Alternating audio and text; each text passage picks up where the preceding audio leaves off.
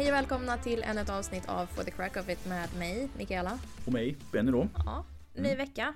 Ja, igen. Igen. Säger vi varje vecka. fortsätter. Ja, precis. Hur har din vecka varit Benny? Den var väldigt bra faktiskt. Mm. Får jag nog säga. Vi är ju alla på kliniken ganska mycket nu. Våra kollegor har kommit tillbaka efter sjukskrivningar och sånt där. Så att, Mycket är väl att ta i. ja, men det det är åtminstone någon här i alla fall.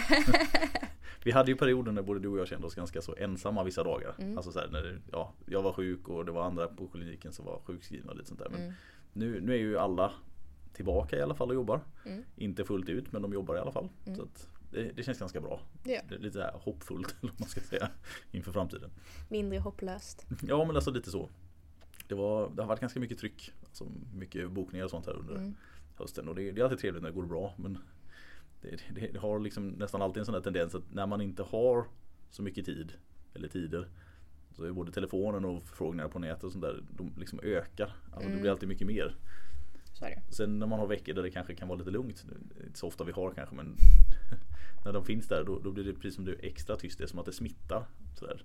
Är det mycket att göra så blir det extra mycket att göra. Mm. Är det lite att göra så blir det tyst. Alltså Mm. så här istället. Mm. Det kan aldrig liksom bara puttra på utan det ska antingen gå lite åt endera hållet. Nu låter du lite gnällig. Ja. Jag vill ha lagom mycket att göra.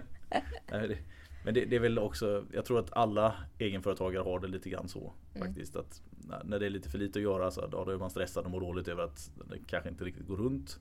Och sen när man har för mycket att göra så känner man att man inte har tid. Mm. Alltså där, så det är en sån här lyxig situation om man lyckas ha det här medianvärdet hela tiden. Mm. Alltså det är lagom mycket bokningar precis varje dag och bara rulla på. Man, man kan ju alltid hoppas men Så är det. det, det är så det är. Hur... Eh, har du hunnit plugga? du tänkte inför helgen? Nej. Eller till, till någonting annat? Inför ämnet? Inför ämnet så här, nej. Nej. Inte direkt. Inte jag heller. Så vi slopar ämnet. Ja, precis. Vi, vi hade väl som ett grundmål att vi skulle fortsätta prata lite om ja, tillbehören som vi hade på en Lite tror jag. stöt, våg, ultraljud och sådana grejer. Laser, det precis. så här. Men ja, Det är så mycket och jag vill inte säga fel. Och jag Nej. är fruktansvärt utarbetad just nu. ja, jag vet du har mycket att göra. Sen är ju de här ämnena, alltså eftersom vi inte aktivt jobbar med vare sig laser eller stötvåg just nu så är vi ju inte så inne i de ämnena. Nej. Alltså så här, det är klart att man har läst lite saker tidigare och man, det är inte helt främmande för en. Men som du säger, man, man vill kanske inte sitta här med osanningar eller så heller utan det, det är så bättre att- killgissa. Ja, så måste det vara. Så här. Det är logiskt. Ja. Laser.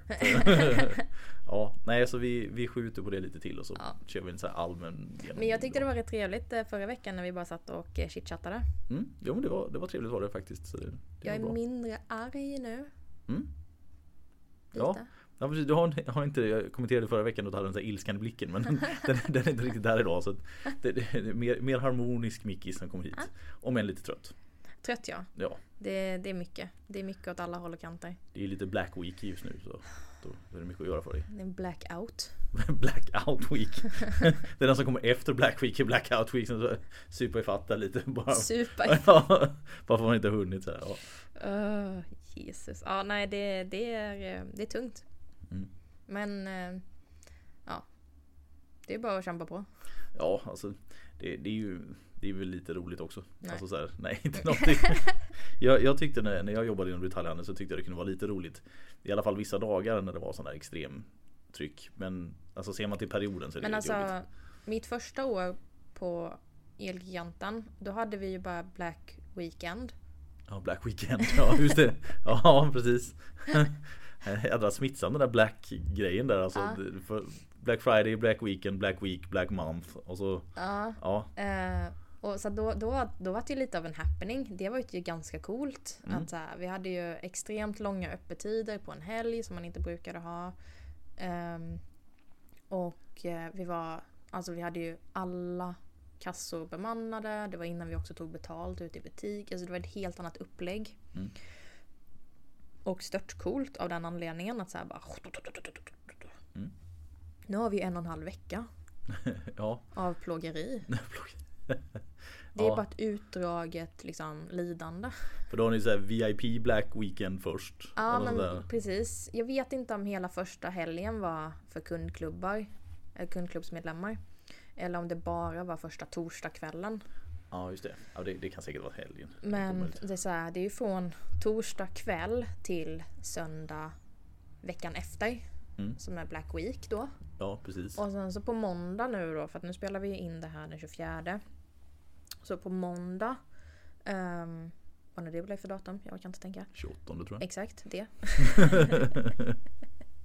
eh, då har vi Cyber Monday. Cybermåndag. Ja. Till och med det. För det, det, det räckte liksom inte med Singles Day i november. Det räcker inte med Black Week. Vi ska ta Cyber Monday också. Cybermåndag. Ja okej. Så, så, När man ska sälja slut på det sista lagret. Ja sista sista. Mm. Precis som att laget någonsin tar slut. Men... Ja, eller hur? Man får ju bara mer. Ja, det är som kvicksand, du bara fyller på. vi har 20 lagerplatser men vi får 40 varor. Så ja, alltid. Perfekt. Alltid, alltid, alltid. Mm. Jag, jag kan sakna lite annars just det som du säger det här med, med happeningskänslan som det var Mm. kanske när det bara var en dag. Mm. Alltså den är ju extremt påfrestande när man Mm. är i den. Alltså för att det blir Om man inte har jobbat i detaljhandeln under en alltså, extrem reaperiod, alltså som mellandagsrean var lite för och som Black Friday är nu. Mm. Det är svårt att fatta alltså, det trycket som blir. Mm. Alltså, så här, alltså det är så mycket folk och så mycket saker Nej, som ska göras. Att, Jag och- fick samma känsla, eller jag fick samma känsla Mm. de stor, alltså stordagarna. Eh, vi har, som sagt, det finns inte längre på det sättet. Eh, kanske att det kommer igen. I don't know. Men nu är det mer utspritt. Men då, jag fick lite samma känsla som typ inför en match. Ja, ja, ja, ja men jo, lite så, så laddat faktiskt. Ja men det blir lite laddat. Lagkänslan går in, man så här, det, det skakar lite och det vibrerar i, i alla. Och sen så, så här, nu har ju vi en chef dessutom som gillar att typ skrika igång det. Så att han har ju någon ramsa som han använder en gång om året. Så att ingen känner ju, ingen kan ju den. än han. det, det, är hans privilegium, så liksom Så lägga att han bara ramsan. skriker tills han tappar rösten och så står man där och bara yeah. Hålla med lite. Ja. Verkligen såhär Marshall the troops, nu ska Ja. man ut och sälja liksom. Så man bara så här typ vrålar för att sympatia lite men jag vet inte vad han skriker så att jag bara Ja precis, du, du du är så här, härmar inte ord utan är mer läten istället så här. Så ska man vara en i gänget liksom. Så, ja. Ja, nej, det, det, på den tiden som jag jobbade så hade vi en annan dag julsrean som var då. Då hade vi ju kö utanför butiken och så släppte vakterna som vi hade då släppte bara in 50 personer i taget. På den tiden också så var det vissa varor som inte fanns så många av. Nu, nu är det ju ganska mycket som levereras utav allt det som annonseras men vi kan ju ha vissa år det var inte alltid så, men vissa år där man hade då kanske någon vara som var så här, alltså, snuskigt billigt. Alltså Mm. riktigt, riktigt billigt. Men det kanske bara fanns fem stycken. mm. Så att de som var först i kön, alltså de slängde sig in. En av de allra värsta omgångarna som var, det var inte vid mellandagsrean utan det var De hade release, jag tror, det var den 18 någon månad, undrar om det kan ha varit 18 september eller november. Något sånt där. September var det nog. Då släppte de Nintendo Wii. Mm. Det hade jag. Mm. Alltså när, när, när den här liksom eh, när, när den släpptes i alla fall Så skulle vi få ett visst antal till butiken Men då ändrade de sig för att de skulle göra en hype kring lanseringen så vi fick bara 18 stycken Och då var det ju kö utanför om man säger Och då hade till och med några hade ställt upp ett tält utanför dörren så att de tältade över natten för att vara först i kön då till nästa dag vad hemskt. och alla som stod där då Förutom en Fick ju tag på för att Han Han- sprang förbi. han sprang förbi ja. Mm. Han bommade så någon annan han före. Och de liksom springer fram och frågar "Ja, kan jag få, finns, finns det någon till? Och så bara nej tyvärr. Vi kan inte göra någonting och vi fick inte ta beställningar heller. Nähä. Utan då var det bara så att nej men kom tillbaka när det kommer fler typ. Och alla var så Och sura. när gör de det? Ja, Vi vet inte. nej, nej precis, ingen aning liksom. Det tog ju över en månad innan vi fick några fler. Alltså det tog, tog lång tid. Men det är väl lite samma som eh, PS5 har varit. Ja precis, den, den blev ju lite så. Och Den där- har varit väldigt elusive. Och det, det- det var väl också, om det nu stämmer så var det väl mycket komponentbrister som blev också. Att de inte lyckades producera dem i tillräckligt snabb Mm. skala om man säger. Så att ja, det tog lång tid innan jag fick tag på min. Ska jag säga. Mm. Och det, jag fick den ju enkom tack vare personliga väldigt uppskattade kontakter.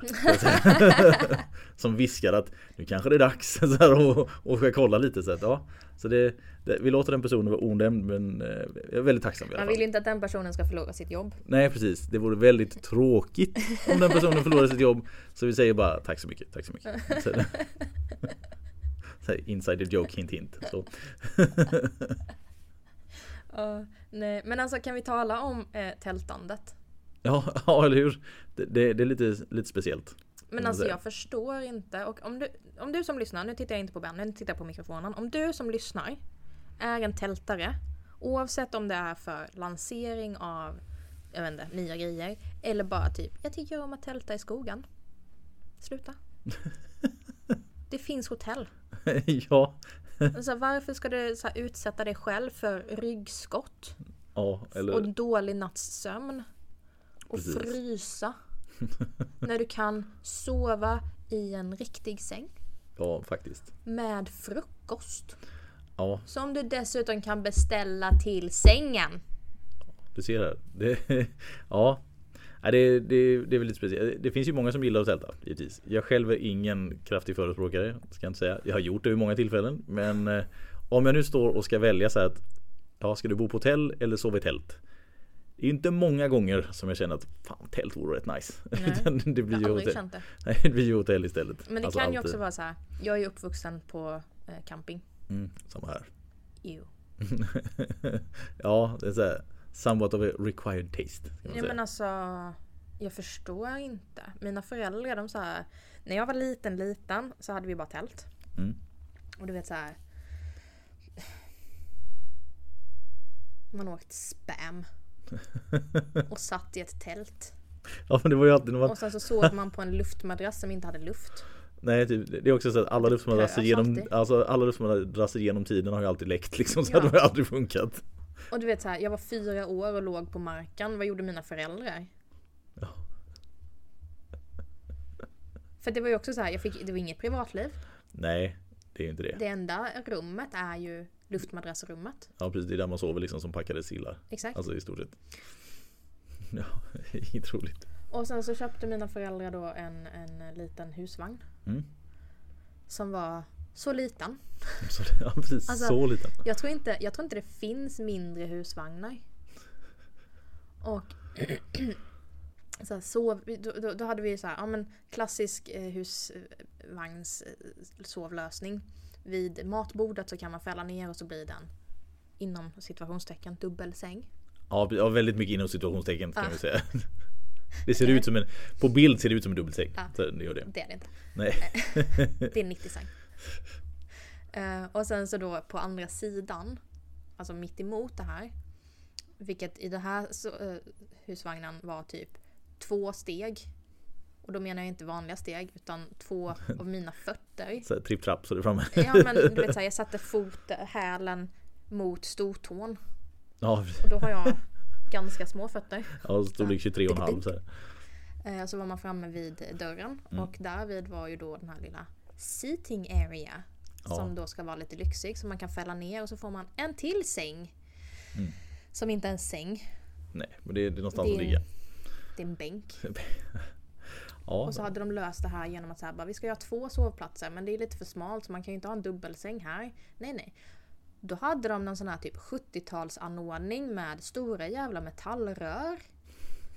Som de satte upp och sen så mellan de här metallrören, så hade, eller på de här så hade de trätt på någon, någon form av tyg Mm. Så att det då skulle bli någon hängmatta fast ja. stationär. Det, det, ja precis, det är en sån som man har, det finns i vissa äldre tåg fortfarande så här, som ja. man kan fälla ut fast sämre. Ja. ja, jag vet och, precis vad du menar. Och jag menar det här var ju så här, jag var typ 10. Mm. Någonstans där. Jag kanske lite äldre. Och min lilla syster var om, om jag var 10 så var hon 4. Om jag var 12 så var hon 6. Ja, precis. Så att hon var inte jättestor. Så att hon fick ju ligga i den här hängmatte-mackapären mm. och inte tung. Men ändå så låg hon typ på mig. Ja precis, den, den slackade igenom. Så. Ja, så att jag låg där och bara så här, Vad gör vi? Varför? ja. Nej, Hur? Innan det köptes en större hus, husvagn för att ingen i min familj verkade ju fatta vilken dålig idé det här var. Nej men det, jag tror mycket lite så tradition också. Alltså det skulle vara alltså, Det är så man åkte på semester typ. Eller vad man ska säga. Jag är också uppvuxen Men är det sak. värt det? Alltså, För mig var jag hade ju mer ångest efter sommaren än vi hade innan. ja, vad ska man säga? Det, det, det, är väldigt länge sedan för mig nu sen vi var ute på husvagnssemester. Men mina föräldrar hade också husvagn så vi var ute mycket så här, när jag var barn. Och vissa områden var ju bättre än andra. Så det hängde lite på vart man kom någonstans. Fast jag har inte problemet med områdena. Nej precis, men det är att om det är ett bra område och det är bra väder så tenderar du att inte vara inne i det där lika mycket. Och då, då kan jag känna att det funkade bättre. Men det har ju aldrig varit så att man har ätit eller sovit bra i en husvagn. Alltså aldrig någonsin. Men ja, det är precis det som, där sätter du ju liksom pinpointen på det. Ja, precis. Jag värdesätter min sömn så mycket. Ja, precis. Jag kommer ihåg min, min mamma sa det vid något tillfälle sen när vi var ute med husvagn så att Ja, det är ju som hemma fast sämre. alltså, det, alltså Ja. det, allting är ju så, ja, men du har ju köksdelen, du har ju sängen och allt sånt där. Ja, det finns ju där. Men det är ju rätt mycket dåligare. alltså Ja, egentligen. det är Det är, bara, kass. det är bara att du är på ett geografiskt annat ställe. Alltså Ja. så här egentligen. Och man kan inte gå på toa hemma. Utan man måste gå till en så här typ delad toa som alltid stinker bajs. Ja, det, det, det är också så här att man har ju vissa campingplatser. Nu, nu för tiden är det många som är ganska bra kanske. Men förr var ju vissa så här No, alltså det var ju så dåligt. Jag vet ett år Vi var på en Ölandscamping tror jag det var. Ja, och då, då hade de duschar som var typ utomhus. Mm. Med som ett stort draperi runt. Som man liksom Så att man blir det, Alltså, ja, lite det- privatliv. Ja, alltså där vred runt och Det är ju bara att Det var havsvatten eller hur? Nej det, det här var faktiskt vanligt Ja. var det. Det hade varit så jävla roligt. Man så här, så jag ska tvätta håret, så här massa salt bara. burp. Men om man säger så här, att om du har draperi Vad händer om du blåser? Nudie. Och hur ofta blåser inte på Öland till exempel? Så, här, Aldrig. så att ja, de dagarna det är vindstilla så är det två kilometer kö till duschen. Men och det var några grannar till oss som Alltså Mamman då och dottern stod där inne och duschade och så Hela den där liksom var blåst upp så att helt plötsligt så stod de ju Alltså, alltså det, det var ju inte riktigt så här men för oss andra som var runt omkring så blev det nästan som att de stod nakna mitt på torget. Alltså det, det, det, det var inte riktigt de ytorna men det kändes ju som det när det bara blev sådär. Och Hur de än gjorde så gick det liksom såhär draperiet Men det är ju då ah, det fastnade. blir Ah. två kilometer kö till. ja, typ så, ja. Nej, det var, det var hårt. hårt. Men det, som sagt, jag, jag längtar väl inte riktigt till. Jag har funderat någon gång på om man skulle skaffa sig antingen husbil eller, Nej. Eller så här, husvagn och sånt där. Men det, nej, det kommer inte nyttja så mycket. Men grejen är så här, testa, du kan låna. Testa, du kommer inse. Det suger. Nej, sen är vare sig jag eller min fru gillar det där så att det, det blir ju Nej men det blir för Kaspers skull så att han får uppleva the horror. horror och så, Nej, nu, nu kör vi hotell och sånt istället. Man kanske kortar ner han kommer vistelsen ju lite. vilja Så. typ testa husvagn eller något sånt för att kompisar pratar om det. Säkert någon gång. Ja. Men Vi skickar med honom med kompisen istället för han ser liksom bara no, det här vill vi inte vara med om. exakt. Nej, så det, nej, det blir nog inget sånt. Det blir det inte. Det tror jag inte. Så att, mm, hemskt. Nej, Så ja, hade vår lilla segway in i campinglivet härifrån tältande utanför Elgiganten till Ja men det är samma här, Ja. skit. Också så här, september. Mm. Okej. Men folk som gör det på vinterhalvåret. Ja, Ingen telefon är så bra. nej, nej, nej, nej. Ingenting är så bra som man kan säga. Nej, det krävs ju, alltså, man kan ju imponeras av folks envishet eller hängivenhet i, i frågan. Det, det kan jag göra. Men jag skulle aldrig göra så själv. Inte en chans. Jag blir inte imponerad. Ja, jag, jag, jag kan ändå se en viss jag höll på att säga charm, men fascination kring att någon kan vara så Fascination kan jag Ja. köpa. Att någon är så besatt av en sak att man liksom plågar sig själv bara för att man ska vara bland de första som får det. För det, det är inte så att vi har brist på grejer så att du aldrig kommer få det. Nej. Utan det är bara att du får det inte först. Alltså så här. Men ja, vissa värdesätter väl just det att man ska vara först i ledet så pass mycket så att man kan göra sådana här saker. Ja. Men Medan vi ligger kvar och sover i sängen istället så får de köa där lite och så köper den tre veckor senare. Så, att, ja, så det är okej. Får vi vara nöjda då istället. Så är vi, så är vi båda nöjda då. Det är bara att lägga en beställning. Ja. Hur svårt kan det vara? Det är svårt att göra. Ja, så hårt vi dissar de stackarna som var så hängivna och tältade utanför så bara ja diss diss. Ja men det här är min genuina åsikt och det, är så här, det behöver inte vara rätt. Men, Nej, men det, det- det är inte rätt att tälta heller. Alltså, så, du, du, har ju en viss, du har ju en viss upplevelsemodell alltså kring. Och det, det är klart att det kan ju säkert ha varit bättre om Säg att dina föräldrar köpte en jättelyxig stor fin husvagn. Eller vad man ska säga. Nej, du, du tror inte det men det, det, det finns ju varianter som kunde varit bättre. Men det är också så att har man siktat in sig på husvagnsliv så var det ju oftast lite trångt. Eller mycket trångt. Och så vidare. Det, det var ju alltid så. Och det värsta som kunde hända var ju om det var dåligt väder. Så man var tvungen att vara inne. Så man inte kunde vara ute och göra någonting annat. Då, ja, Men det, alltså jag vet inte, det var så mycket och min familj är så materialistisk. Att det, är så här, det, det, var, det var bara så här. Man klarar sig inte utan rätt sak. Utan ska det göras någonting så ska man ha rätt sak till att göra det. Mm. Um, alltså två stycken prylpersoner har skapat mig. ja, precis. Och de säger båda två nej. Jag tycker inte att saker är viktiga. Och sen så går man ner i källaren och bara mhm. Ja precis, ja. Så här, sanningen är lite, lite annan än vad som sägs. Min upplevda sanning kan vi väl säga var diplomatiska nu då. Ja precis, din upplevelse. Ja, För exakt, de exakt. kanske lyssnar. Men det, det, är, det är också Men- så, är man mitt inne i det där att man är alltså, lite för mycket Säg beroende av prylar eller dylikt. Vi kan kalla det hoarder tendens. Ja precis, så tror jag inte man ser det själv. Nej nej. Utan Ehm, saken i källaren är glömda. liksom, men, men då blev det också alltid att man skulle ha med sig allting. Min pappa hade ju alltid med sig sotargrejer. Att han jobbar som sotare. Man vet aldrig. Nu kommer han höra av sig och säga nej det hade jag inte, jag plockade ut. Men jag har sett gris. Det är faktiskt rätt weird. alltså, Okej för man Jag kan tror vi ta hade sig... så här, typ tre grillar med oss. För att så här, du vet de små. Ja precis. Eh, för att så här, man fick ju inte plats med någonting. Så, Så var- grilla med tre grillar samtidigt då alltså bara för att man inte får plats med allting på en och samma eller Ja. vadå? Okej, så istället för en grill kör man tripp trapp trullgrillandet ja. så inte minska ner på maten heller utan nej. Så här, min mamma hade ju alltid med sig sina kockknivar för att man kan inte skära med någonting eh, annat. nej. Mina föräldrar var lite mer praktiskt lagda på det viset att det var alltid så att Ja, Men då blir det ju så här bara, alltså, när, du, när du inte är praktiskt lagd Då sitter ju jag och min lilla syster så här, typ med knäna i, i näsan ja, och bara är ihoptryckta. Det är jävligt mysigt att titta på någonting då när man så här, typ ska vika in sig själv dubbelvikt. Så så här, bara, vi, ska åka och vi ska åka till Kivik och köpa äpplen bara. Vi får inte plats. Nej men då får vi sitta på taket Mikaela. ja precis. För äpplen det ska vi ha. Ja, vi ska dit liksom. Ja, Jajamän. Ja, nej, vi hade ju mycket sådana här du vet, pulvermorsgrejer och sånt där så att man sparar, ja, alltså, sparar på plats och, och det ska vara Det är det vidrigaste jag vet, det och lever. Ja, lever åt vi inte så mycket men pulvermos hade vi en del. Så här, lä- lättare pastavarianter och lite ris kanske. För att det var enkelt att laga.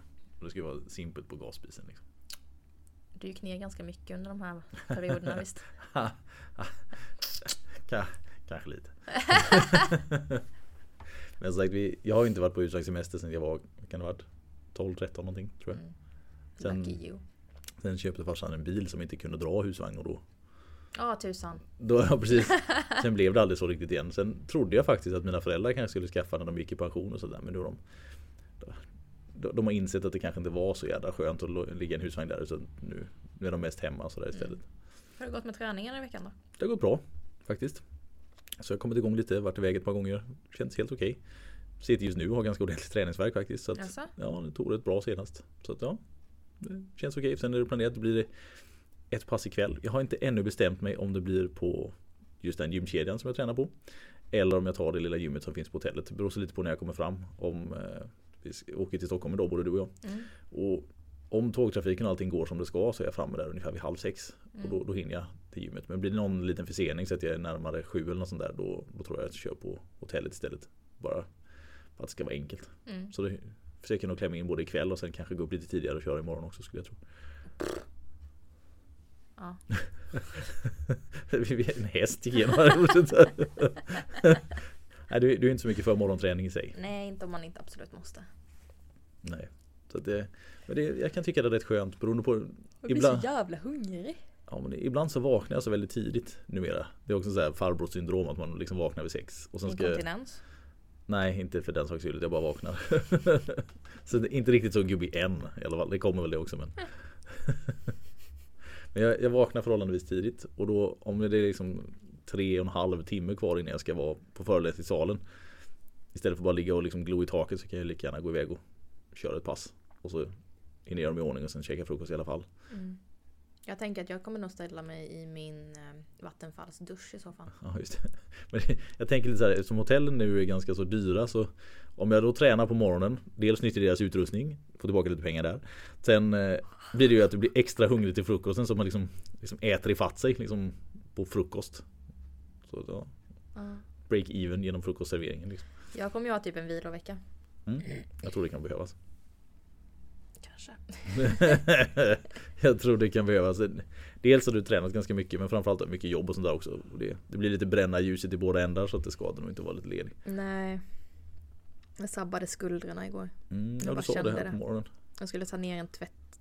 Nej, inte en tvätt, en torktumlare. Mm. Och bara kände hur muskeln som, alltså rom, rhomboideus. Mm. Eh, muskeln som drar ihop skulderbladet mot eh, ryggraden. Bara. den tyckte inte du skulle göra den rörelsen. Nej. Och så kände man så här typ fem minuter senare bara. Vroom, vroom, vroom, ah, nej. Och då tror jag att jag kompenserade lite med vänstersidan också så nu har jag typ träningsverk vänster. ja, du, du är ju skavankdrottningen så, här, så du, du har ju mycket sånt hela tiden. jag brukar inte få så mycket sådana skavanker när jag tränar. Jag, har, jag är inte lika hårdhänt mot mig själv som du är. Men jag är inte snäll. hårdhänt, jag är bara skör. Ja, Miss Peach lite. Ja men ja, det är prinsessan på ärten syndrom. Ja precis. Det är, så här, no princess here. det är så här, grannen har grus i korridoren och du får ont i fötterna liksom så här. Ja. Gå, gå igenom golvet och lägenheten och så, ja. Nej men Ja. alltså det, det är helt sjukt. Och så här, fine ibland att man är lite så här. Ja men när man vill eh, om man vill cykla liksom stången lite snabbt och, Ja. och kanske typ studsa på låren. Ja, ja, ja. Det, det kan jag köpa när man ligger på så typ 50 kilo. Mm. Att fan det kommer vara blåmärken imorgon. Men när jag gör det i uppvärmningen. Hon är lik förbaskat liksom. Man bara så här. Vad fan! ja, det, det är lite speciellt. Ja. här, ja. Och det, det blir jättejobbigt när man har så här typ sällskap. ja, precis. Så det ser liksom, vad fan har hänt här? Så, Ja. Sönderslagen liksom. Så, ja. Eller att man kanske så här bara, åh, ett, en tumme. ja, precis på armen så ja. jag, jag kommer ihåg när, när du precis hade börjat här och börjat träna lite grann. Börja träna. Eller, alltså, du, när du hade börjat komma igång med crossfit lite mer. Ja, För det mm. gjorde du inte riktigt från början. Utan när den hade kommit igång lite mer så hade du sessioner när du visade dina lår och sådana saker som var liksom helt blåa. Mm. Vi, vi har gått igenom Det den. var inte crossfiten. Nej det var något annat kanske. Det var ju när jag eh, nötte teknik, clean. ja, så clean var and det. Precis, så var det. För Precis. då körde jag ju, då var jag ju på Nordic Wellness. och så, grejen är att jag har ju kört crossfit i många, många år. Bara det att jag inte varit på en box. Nej just det. Jag har ju haft crossfit-inspirerade liksom, träningsupplägg för mig själv. Mm. Innan jag ens fattade att det var crossfit. typ. ja precis ja. Du körde crossfit innan du visste att det var crossfit. Ja så men så här, jag har alltid gillat den, det sättet eh, att träna på. Mm. Så det, det blir ganska naturligt. Ehm, men då hade jag någon period här som, som jag bara sa, fan alltså clean and jerk och, och snatch och sådana saker. De, de vill jag, det vill jag bli bra på. Jag vill liksom nöta in det. Och, så då gjorde jag så att jag tog så en lättare vikt. Mm. Jag gick inte upp i överdrivet höga vikter men jag körde 10 gånger 10 eh, Varje pass mer eller mindre Mm. som jag skulle köra, ja men säg clean då, en frivändning. Så gjorde jag, jobbade jag upp till en Ja men så att det blev lite kämpigt liksom. Ja, Det, vikten ska inte bara flyga hur som helst utan jag ville ha liksom motståndet. Eh, så det är så jäkla lätt att eh, stången flyger bort från en annars om man Ja. inte har ett motstånd. Så att jag jobbade upp det och sen så att det skulle vara lite jobbigt i tior. Mm. Och så gjorde jag det tio set. Så var jag ganska nöjd när jag gjort 100 Ja det är ju helt och så här fokat. Jo Helt men så, här, så hade man fokat på teknik och försökt jobba med det och då kunde man så här stadigt. Alltså det, blir, det, blir, det går så mycket snabbare när du gör många repetitioner Mm. att bli bra på någonting. Det är också jävligt svårt att bli av med eh, dåliga Beteenden, beteenden. Eller, ja, eller teknikmissar. Ja. när du gör på det sättet. Ja precis, det här har vi ju nött in så bara damn it. Så, ja, jo jag, jag förstår. Ehm, men då kunde jag ju få jättemycket, för då i början så var jag väldigt snabb i stöten, liksom i, i höftjucket mer eller mindre. Mm. Så då kunde jag göra det liksom på lägre halvan av låret. Ja, liksom närmare knät än höften så att säga. precis. Och det gav mycket blåmärken. Mycket blåmärken. Men ja. det var å andra sidan bra på ett sätt för då vill man ju inte stöta där. Utan då hittade jag ju nya ja, precis. Det är en sån här trial and error grej. Men det är så ont alltså. Uh, smärtan gör att man tvingar fram tekniken och ändra sig. Ja. Det är ingenting jag rekommenderar men Nej, det, det, det är en sån här, sån här film-approach. Liksom så här, bara rappa så hårt så att man blir bättre. det är lite Rocky. Ja, precis. ja men li, lite så. Ja. Det är jag och Rocky. Hade du och Ja, precis. Men eh, ja, då var jag, då var jag, då var jag blå. Jag tror Ja. jag fortfarande har lite så här typ ärrvävnad i låren. ja. jag kan, jag kan så här typ känna att det är så här, permanenta lårkak som Ja ligger kvar. men på riktigt. Ja, precis lite så. Men du har ju känt på mina lår. Ja, De men, är ju lite märkliga. ja, alltså, Just där jag har haft de här stora blaffarna. ja men det, det kan man nog säga. Det, det, det är ju någonting i muskeln. Det blir li, alltså, man har lite samma känsla som när man träffar någon som har hållit på med typ thaiboxning och sånt länge. De har sparkat Mm. varandra på benen. Det, det är precis som att det ser vanligt ut men när man känner på det så är det bara, vad har du för någonting under här? Mm. Och så, det, nej det är bara strukturerna som har blivit lite ojämna eller vad man ska säga. Så det är ja, någonting med nötningsprocessen där. Så du, du är väl inte thaiboxare men lite Jag ja. har ju hållit på med thaiboxning Eh, också. Ja, ja precis men just det här är ju mer på Ah, ja. fram, Nej, jag- det, där- det sitter ju inte jag där det brukar så att säga. Nej, där, fick jag, där höll vi fortfarande på med mitsar och grejer. Så att Mm. där, där blev det inte... jag var okej, men det var inte min typ av sport. Nej precis. Nej, men det, det, det är ju inte för alla. Nej men det var jättekul. Mm. Men eh, jag insåg också att eh, om jag ska hålla på med det där så kommer jag vilja tävla. Och Mm. ställa mig i ringen. Eh, och eh, med tanke på att min bästa kompis gav mig en hjärnskakning så nej. nej, nej, nej. Jag har, jag har bara så många kvar. Alltså om du lätt får blåmärken överallt annars så varför inte hjärnan? Alltså så det är så, ja. Men jag har bara så många kvar. Jag, har ju, jag slutade ju räkna efter sex hjärnskakningar. Ja, då, då kanske man inte ska göra så mycket sånt mer. Där det liksom är, där det, alltså det är en överhängande risk. Nej, så. Jag ska inte hålla på med kontaktsporter. Nej men det är bättre nu, nu liksom det är du och stången istället. Ja, så här. precis. Det, det är bättre. Den kan jag skalla bort. Ja, Fortfarande så va? Hjärnskakning nummer 420. Så här, slå till lite där. Så här, några barndomsminnen för att försvinner varje gång. Så här, det blir som mindre och mindre. Vem är du? Ja, eh, mormor ja, bara. ja precis. Nej, man, man ska vara försiktig faktiskt. Det, det finns många sätt man kan träna på men just att hjärnskakningar och sånt ska man ha väldigt mycket respekt för faktiskt. Ja men det ska man faktiskt. Det är inte så roligt att se nu när man tittar på ja, det, De som visas mest är väl framförallt hockeyspelare som har för mycket tacklingar mot huvudet sånt där när de har såna här alltså, konstanta minnesproblem eller hjärn, alltså så här, hjärnsmärta eller sådär. Mm. Så dimmighet och kan inte vara i ljusa rum och sånt där. Det är jävligt tråkigt att se. Hjärntrötthet. Ja, alltså jag såg någon dokumentär om Han heter Franzén har jag för mig. Ja, alltså han, eh, han kallades i alla fall för The Mule. Heter han Mm. i, spelade i Detroit för. Och han fick jättemånga hjärnskakningar och mår ju skit idag. Alltså huvudvärk i stort sett konstant. och Sånt där. Och det, ja, det är tråkigt när, det, liksom, när priset för din framgång ska vara din hälsa. Det, Mm. det är jävligt tråkigt faktiskt. Apropå hockey. Mm. Börje. Ja. Det är också tråkigt. ALS. Mm. Alltså när man jobbar med sånt som vi gör och man läser medicin och sånt där. Så, så har man ju vissa diagnoser som man bara oh no. Alltså Mm. absolut inte vill att man ska drabbas av. Och LS ligger jävligt högt på den måste jag säga. Den det är ju bland det är värsta. ju rent fysiologiskt enligt mig den mest tortyrdrivna sjukdomen. Ja precis. För att vad, vad, vad, vad ALS är är ju mer eller mindre att eh, muskler stänger av. Ja precis. Och kan börja smått som det brukar göra. Att det är så här, lite så här små muskler börjar bli fumligt. Kan vara svårt Mm. att greppa saker. Går över till att man har lite svårt med balans och Precis. eh, blir snubblig. Och det kan gå så jäkla snabbt. Det, ofta så går det jäkligt snabbt. Mm. I fåtalet fall så är man en Stephen Hawking. Ja precis. Och överlever ytterligare under 50 år. Men det är väl att det, det, du får ett sjukdomsförlopp som liksom bromsas upp på något vis. Att Ja. det liksom går långsamt. Annars är det ju den, traditionellt är det ju något år till ett och ett halvt sen så brukar det vara. Exakt Var över. tre om du har tur. Ja precis men det är de Det aggressiva går så varianterna. Jäkla snabbt.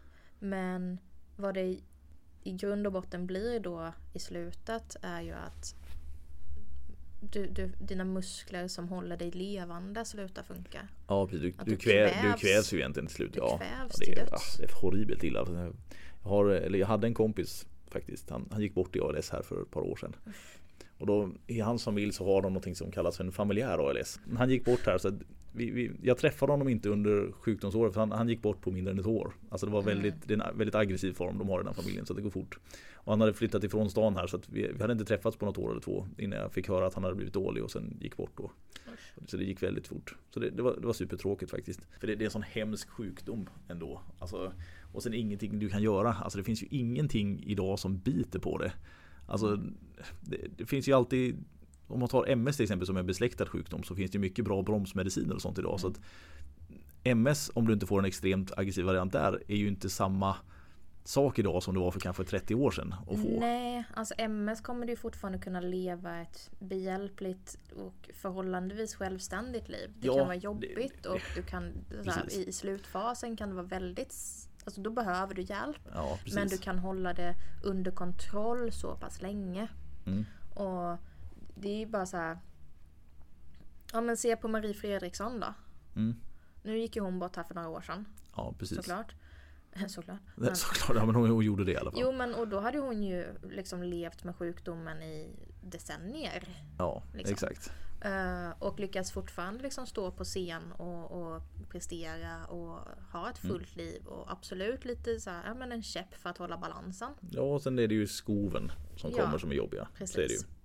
Den här patientkategorin om vi nu skulle säga så när man träffar de här. Jag har inte träffat många patienter med ALS, det ska jag säga. Kanske någon enstaka men inte många. Annars är det ju alltså MS har vi ett par stycken Mm. som man träffar då och då. Det, det blir lite speciellt för att Alltså man kan inte påverka MS i sig. Nej. Alltså den, den är ju vad den är utan det är ju medicinen som påverkar den va. Däremot så kan man ju hjälpa dem med symptomen som blir att när de mår dåligt och då spänner sig och sådana här saker. Mm. Men reaktionen på behandlingen är oftast väldigt svår. Alltså man vet aldrig riktigt. Ena gången kan de må jättebra det har man gjort och nästa gång kan det vara skit. Men alltså, det är ju samma sak med alla neurologiska. Ja, det, det är alltid lite lätt kaos så fort det, det liksom blir någonting man ska göra. Och man, om man säger, jag jobbar väldigt mycket efter när, när jag, när jag liksom räknar, om man säger att jag räknar ut vad jag vill att en behandling ska göra lite grann. Alltså vart jag vill komma och hur den ska liksom slutas. ja men alltså lite så. Det är, ja, det är min fyrkantiga väg så här. Medan när man får in någon som har Alltså antingen den typen av neurologisk åkomma eller någonting annat som kan vara hormonellt till exempel också. Mm. Då blir det, det blir mycket svårare för att saker och ting kan agera mycket mer eller mindre än vad du tror. Så jag, jag tycker det är bökigt. Jag hjälper mer än gärna till men jag blir oftast om man säger, mer trött efter en behandling. Som, alltså, som när jag har behandlat någon som har, för jag tänker så mycket på olika variabler. Mm. Så jag tycker det är, ja, jag hittar inte svenska orden, men mer draining att ha en patient som har mycket krångliga neurologiska problem. Utmattande. Ja, tack. Mer utmattande så här, emotionellt när man går igenom det. Alltså när jag ska behandla dem. Ja, Det tycker jag. Jag brukar vara mer försiktig i tillvägagångssättet. Alltså, och det är jag... Ja men mycket de här neurologiska. Nu, nu, nu springer jag inte på MS eller ALS alls ofta. Nej. nej, nej, nej. ALS har jag aldrig haft en patient med. Ehm, men, men samma sak med uh, fibromyalgi exempelvis. Och det är ju inte nödvändigtvis en neurologisk sjukdom. Men den har lite diffusa ehm, vad ska man säga, beteenden. Ja, faktiskt. Skoven där. Mm. Eh, reumatism, samma Det sak. är också ganska vanligt faktiskt. Lite diffust eh, och går i skov. Jag brukar snarare vara så här, mer öppen kommunikation Mm. med patienten och restriktiv i behandling. Ex- Ja, men framförallt man, man skalar upp det lite. Exakt. Och eh, mer så kommunikation i att så här, bara, jag vet inte vad det här kommer göra. Jag vill att du kontaktar mig. Jag vill ha en uppföljning och så får Mm. vi ta en bedömning därifrån. Det kommer behövas fler behandlingar. Men jag vill veta hur du svarar på det här. Ja, dialogen är viktig. Exakt. Väldigt viktig. Så att jag kan väl inte säga att jag är utmattad för att jag liksom tänker mer. Det är mer att jag försöker hålla mig själv i tyglarna. Liksom. Eh, för att jag vet inte. Nej, men det är Det, det, det är så jäkla svårt att veta hur kroppen framför sig kommer svara. Mm. Ehm, och då är det bara så här. För mig i alla fall. Vi, vi backar. Vi gör inte mer än det absolut nödvändiga. Nej precis. Jag fick den här frågan faktiskt utav en av våra första AT-studenter som vi hade här. Mm. Och, och hade, haft, hade kommit en, en patient. I det här fallet så var det fibromyalgi då. Mm. Och de, hade behandlats och personen i fråga mådde skit sen efteråt. Och fick, det, fick ju den frågan så här, hur gör man? Precis som Mm. att liksom, man har det där golden standard att det här funkar på alla. Och så får man säga så här att det, Du kan bara C0C. Ja precis, enbart HIO. Bara. Det är också ett inside Alltså, joke. ja, väldigt inside. Men det, det finns ingen egentlig väg att gå. Alltså, så jag satte upp det så här att om du har två patienter som båda två är diagnostiserade med liksom så här, smärtsyndrom om man säger. Mm. Och det är förhållandevis lika. Säg att det är en kvinna i 50-årsåldern båda två, bara som exempel. Om du behandlar dem Två exakt till synes exakt samma. Ja, om du behandlar dem exakt likadant. På, alltså samma korrigeringar, samma muskeltryck och allt vad det nu kan vara. Exakt likadant. Så kan det vara så att den ena känner att fy fan vad bra det här var och den andra vill nästan stämma dig. Alltså, man, man vet inte och därför är det bra att man kanske är, känner sig fram lite grann i behandlingsserien. Alltså man, man börjar först och så pratar man med patienten att vissa saker här kan ju liksom reagera dumt.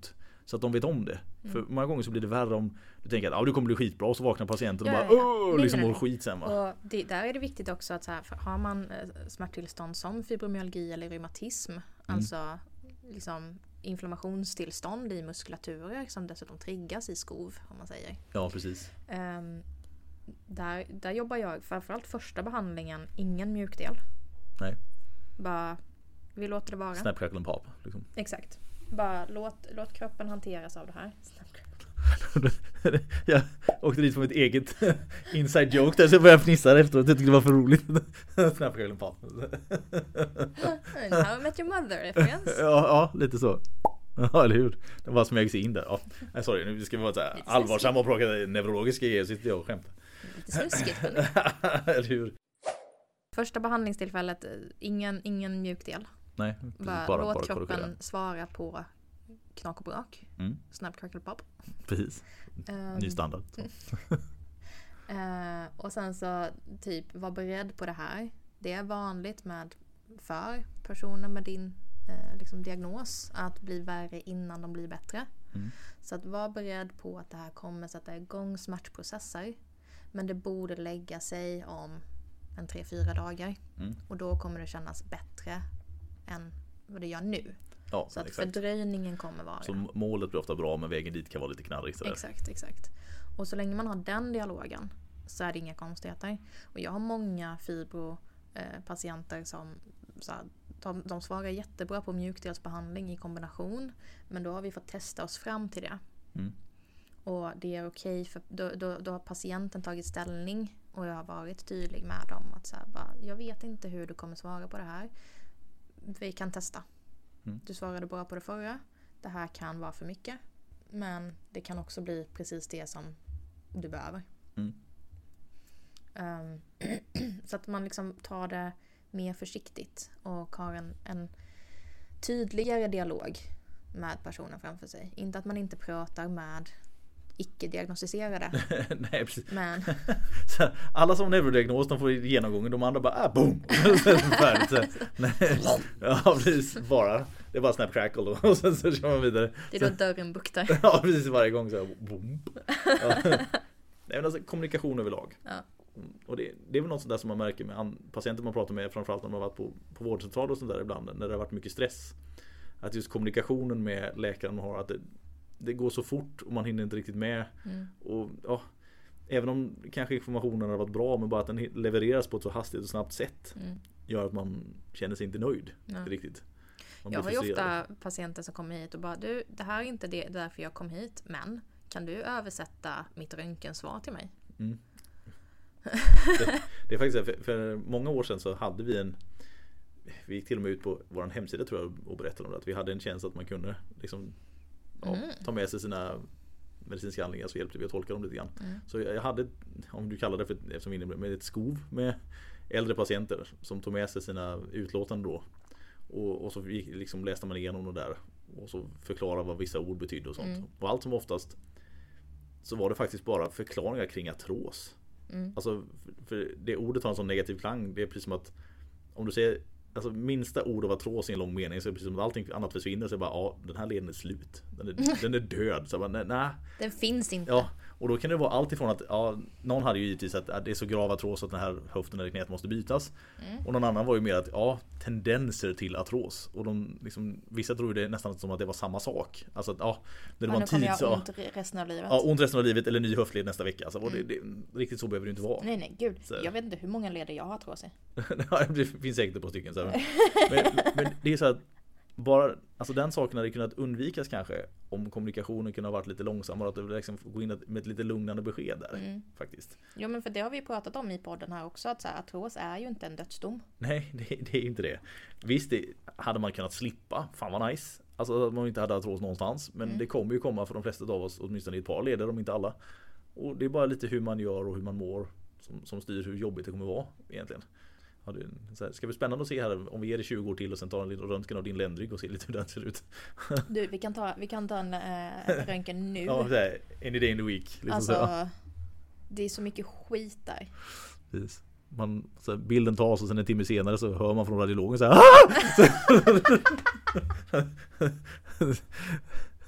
så Radiologläkaren liksom sitter och skriker liksom, han liksom Holy hell! Han hade sett, Bone fusion! Så säger hela vägen så här. Har det ens varit någon led här? Det var så, bara, det var så ont i ögonen, det bara lyser vitt så här, så, ah, så här, Ben på ben på ben på ben så här rakt igenom Alltså hårt inside joke igen Men... roligt. Nej men jag har ju så mycket eh, skavanker. Och det syns ju inte på äh, slätröntgen. Nej Jag har ju slätröntgats och läkarna bara så här, det är inga problem här. Jag bara, kolla en gång till. Ja precis, lite närmare. Och det, det, är ju, det är ju en brist som finns i röntgen i sig. Att röntgen är ju väldigt bra på att se alltså vissa typer av degenerativa tillstånd men framförallt benbrott Mm. och sånt. Ska du in mer och se hur alltså, mjukdelsdelar mår och lite Mm. inflammationstendenser och sådana saker då, då måste du på en MR många Gud, gånger. Jag gjorde en. MR när jag var 18. Mm. Det var när jag hade mitt ruggiga diskbråck. Ja precis. Jag har inte blivit bättre i ryggen på 10 år. Alltså jag har varit, haft mindre smärttillstånd för att jag lärt mig hantera det. Ja. Och sen, Men jag har ju också utsatt den för så jävla mycket skit. sen är du ju alltså, ganska stark i kroppen också. Det, det hjälper ju till. Alltså, att mår, mår man dåligt strukturellt om man ökar upp styrkan strutt omkring så, så, så mår man ju bättre. Alltså, Ja. det, blir- det blir ju inte lika känsligt om man är lite starkare. Nej, det och det, det här ta- talar, jag är ju överrörlig. Mm. Eller har ju överrörlighetstendenser. ehm, I nästan hela min. Mm. Så att jag är inte så här, kan inte slå knut på mig själv. Men jag brukar säga det som att så här, mina muskler är för långa för min kropp. ja. Jag har fortfarande ganska så normalt utformade leder. Mm. Men mina muskler sätter inte stopp. Nej precis, du kommer väldigt långt. Exakt.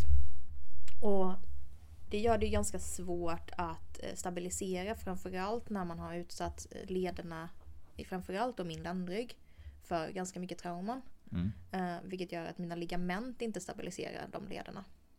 Nej precis. Ehm, det, det är liksom, då blir man extra wobblig. Wobbly, ja precis. Mm. Och jag brukar säga det till patienter som jag har som, som säger ja ah, men du är lite rörlig här, kanske man säger i förbifarten. Ja precis. Så märker man att så här, bara, oj det skulle jag nog inte ha sagt på det sättet.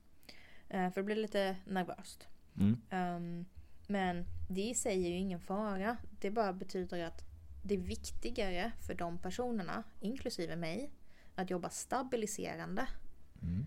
kontra mobiliserande. Ja precis. Att du ska fortfarande inte inte jobba med rörelse.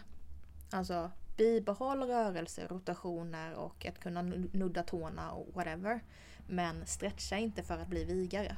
Nej precis. Stretcha för att behålla och för att musklerna ska må på bästa ju möjliga sätt. Det är ju olika saker där. Alltså Exakt. vigel stretch eller bara ja, För sen, muskelvälmående. sen kan man ju ha så här typ Kurt, 58.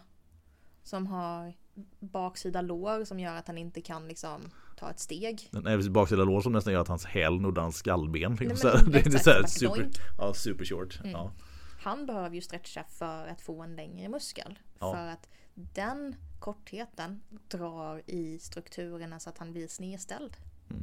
Och får ont av det. Ja. Och det är skillnad på mobilisering och stabilisering av den anledningen. Att vad vill du få ut av det? ja, givetvis. givetvis. Ja, jag vet att du vet det. Mm, Ja, jag, jag vet det. I know. Så, Men, Sen- men det har jag ofta eh, samtal med mina patienter om. ja, och ska man ta liksom just överrörlighetstendenser i sig så är de ju De är ju oftast mer envisa. Mm. Alltså så här för att du kan aldrig riktigt sluta med stabiliserande träning för gör du det, då tappar du stabiliteten väldigt Mm, kvickt. mm. Medan är du lite för stel och du får upp rörligheten så visst du kan stelna till igen men det går inte riktigt lika fort. Och det är inte samma, det blir inte samma förödande effekt av att du stelnar till lite. Alltså så Nej, och sen är det ju så här, den tråkiga bistra sanningen är ju att har du överrörlighetstendenser och är kvinna, ja nej men se fram emot klimakteriet.